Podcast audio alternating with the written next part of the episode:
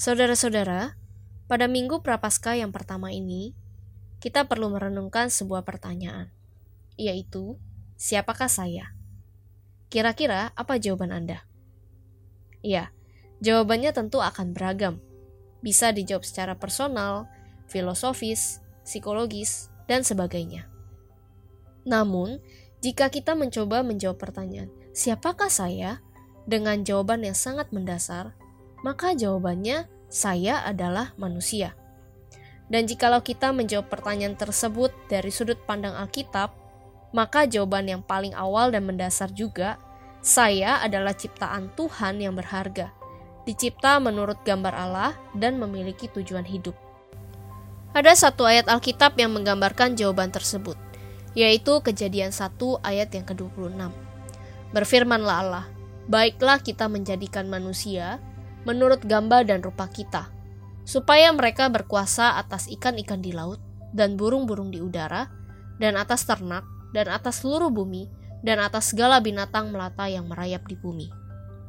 Dari satu ayat ini, kita bisa melihat bahwa benarlah manusia yang diciptakan Allah berharga dan mulia. Allah berfirman, "Marilah kita menjadikan manusia," merupakan kalimat yang menunjukkan keinginan dan kerinduan besar Allah menciptakan manusia. Tidak hanya itu, dalam Alkitab dijelaskan bahwa manusialah yang diciptakan Allah dengan spesial, yaitu Tuhan Allah membentuk manusia itu dari debu tanah dan menghembuskan nafas hidup ke dalam hidungnya. Hal ini berbeda dengan tindakan Tuhan yang menciptakan ciptaan lain dengan hanya berfirman. Terlihat bagaimana hari pertama sampai hari keenam Ketika Tuhan mencipta ciptaan lainnya, Tuhan dikatakan berfirman, berfirman, berfirman.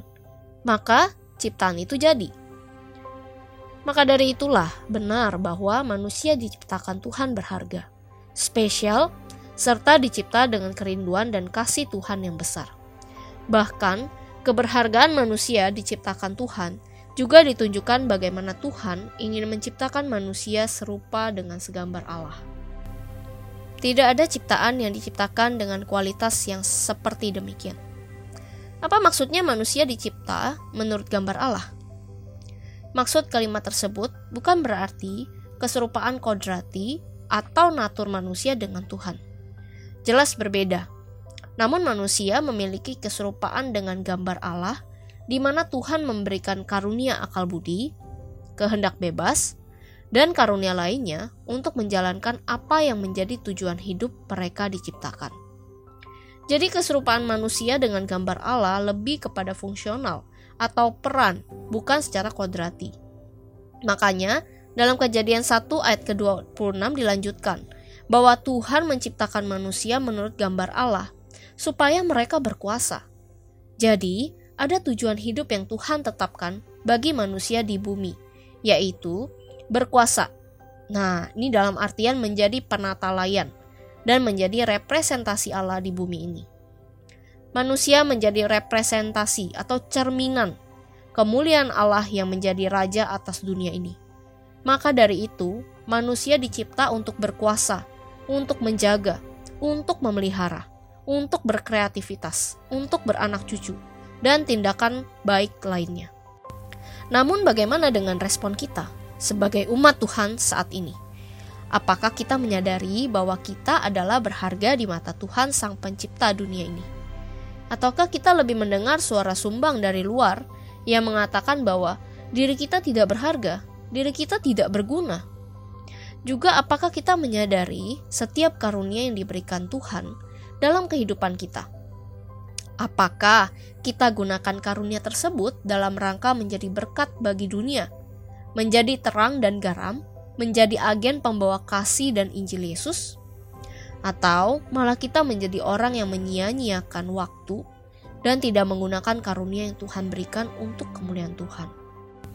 Mari, di Prapaskah ini kita menyadari akan siapakah kita di mata Tuhan. Kita adalah berharga dan mulia. Kita diciptakan menurut gambar Allah dengan tujuan untuk memuliakan Tuhan dalam kehidupan kita dan menjadi serupa Yesus. Karena hanya Yesuslah sang gambar Allah yang sejati. Jadi, respon yang tepat untuk kita lakukan adalah mengucap syukur dan bermegah dalam Tuhan. Mari kita tidak henti-hentinya mengucap syukur lewat puji-pujian dan doa. Mari kita hidup memuliakan Tuhan lewat pujian dan doa, karena kita dicipta Tuhan berharga dan mulia.